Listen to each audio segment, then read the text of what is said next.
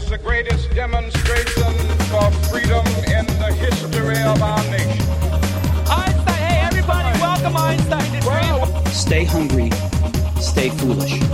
Bing, bing, bong, bong, bing, bing, bing. You know what that is? Obama.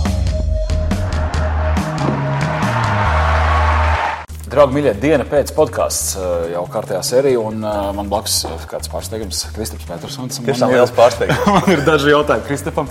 Zini, kā, tu ej uz pasākumiem. Es uh, moderēju ļoti daudz pasākumus, arī apmeklēju kā nu, vienkārši parastais ierindnieks Rajans. Jā, puslabi, puslabi. Jā, es vienkārši domāju, vai tā bija laba tāda analoģija. Es atceros jā. filmas kadrus. Ja. Jā.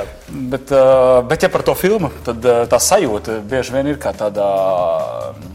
Kā saka, tādās, ir ir ierakumi, ierakumi viena puse, kas ir skatu, un ierakumi otra puse. Un, manuprāt, bieži vien runātājs nespēja aizsniegt to otru pusi. Vienkārši tiek mesta kaut kāda informācija ar cerību, nu, ņemiet, dariet kaut ko ar to.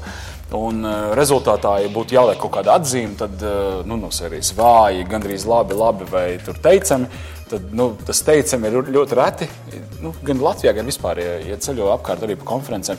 Kāpēc, tavuprāt, ir tā, ka lielākā daļa prezentācijas ir tādas uh, mēreni vājas vai pat uh, pavisam vājas? Kur ir tā problēma? Es, ā, jā, es izteikšos, varbūt es, tas nebūs tā īpaši zinātniski, lai gan es runāšu par tādām zinātniskām lietām. Bet tu vari atsaukties uz britu pētniekiem. Nē, uz britu pētniekiem. Nē, tas ir pavisam cits pētījums.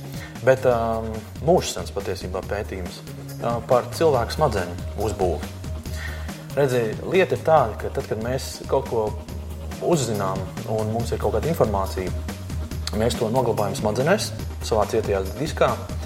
Un, uh, faktiski tajā mirklī, kad uh, mums ir jāizdara kādi uh, sarežģīti analīze vai lēmumi jāpieņem, tad tas, ko mēs darām, mēs uh, to visu darām ar savu neokorteksu, ar šo te jau, ar, Kaut kas ja- jaunizveidotā smadzeņu. smadzeņu Jā, jaunā, jaunā, jaunā smadzeņa.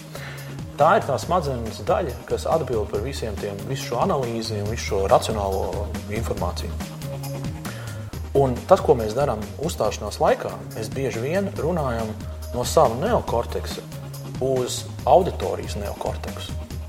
Bet problēma ir tāda, ka cilvēks ir uzbūvēts tā, ka tad, kad ir komunikācija, tad es runāju no savas analīzes, prāta, bet tu informāciju uztver no pavisam citas, no, ar visiem pavisam citiem Tātad tie, receptoriem. kas mums tagad skatās, viņiem nav neokorteks nodarbināts, bet citi Jā, receptori. viņiem, viņiem ir krokodila smadzenes tā saucamā. Krokodila smadzenes tas nozīmē, ka viņi no sākuma testē, vai šis ir bīstams, vai tas nav bīstams, vai man ir jābēg vai nav jābēg. Patīk, nepatīk. Patīk, nepatīk. Jā. Silts, augsts, eh, jauna informācija, veca informācija.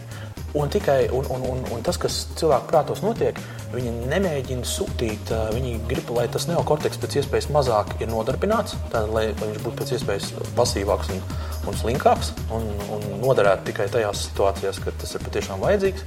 Tāpēc viņi nesūta neko tālāk uz to neokorteksu, no tās krokodila smadzenes. Tad, principā, tas viss tiek apstrādāts, Tā ir- patīk, nepatīk līmenī un aizmirsts. Un, un tas, kas ir nepieciešams, tad, kad tu uzstājies, ir domāt par to, kā es ne, mm, teikt, eh, nepazaudēšu to auditoriju, stāstot pārāk gudras lietas, eh, pārāk teiksim, intensīvi vai vēl kaut ko tādu, kad es nobiedēju to cilvēku. Ja? Jo mums strādā tas instinktu līmenis. tad, Nobiedē ar sarežģītību. Tieši tā. negribas- Lielākā, daļa, eh, lielākā daļa visas šīs konferences, jūs pamanīsiet, ir tāda, ka cilvēki, tie, kas mums liek smieties, tie, kas mums liek, teiksim, kas, kas ir, mm, rada tādu brīvu atmosfēru, tie mums patīk. Un to informāciju mēs arī vieglāk uztveram, tāpēc ka eh, mūsu neokortēšas krokodila smadzenes viņi no, nobiedē. Viņi vienkārši ir, viņi ir tā brīvi un Ne, viegli uztver nav tā. Jautājums ir tikai tāds, eh, tas, kas varētu mulsināt mūsu skatītājus, ir, eh, kā tad sanāk, tad mēs, eh, galvenais ir jociņi, humors un vieglā gaisotne, tad viņiem patiks un tad viņiem atvērsies neokorteks un viņi uztvers to visu. Jā, Tikpat labi man ir ļoti sarežģīts temats, varbūt pat skumjš temats, es nezinu, varbūt kaut kāds. Jā, un tur nekāda joka kāda- Jā, nebūs, nu jā. nebūtu iedarīgi, tad ko darīt? Bet uh, tad ir ļoti labi noder tas, ko arī uzņēmējs Ulrichs Pīlēns ir savā grāmatā uzrakstījis, um, aprakstījis, ka šī ir tā informācijas teorija no Karla Popera, kur viņš saka, ka ir tāda, tāda uh, proporcija kā 30-70.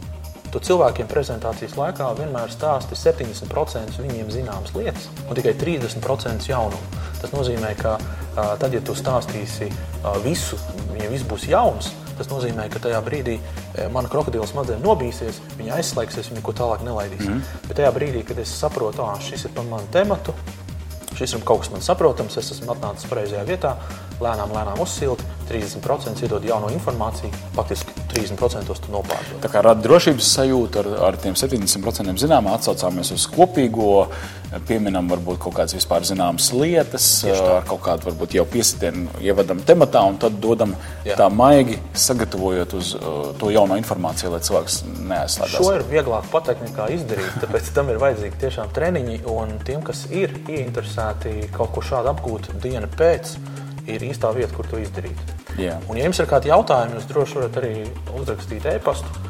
Mēs uh, atbildēsim, vai arī jūsu jautājumu izspēlēsim šeit, kādā no epizode, epizodēm. Pilnīgi noteikti. Mēs pamatā strādājam uzņēmumos, bet īstenībā mūs var uh, sastapt arī individuāli, nu, nosacīt runāt. Ja cilvēki, jā, ja cilvēki piesakās un ir pietiekami liels interesants skaits, Jā. mēs arī veidojam tādas grupas. Laiku pa laikam, jā, taisām arī atvērtas grupas. Tā kā pilnīgi droši.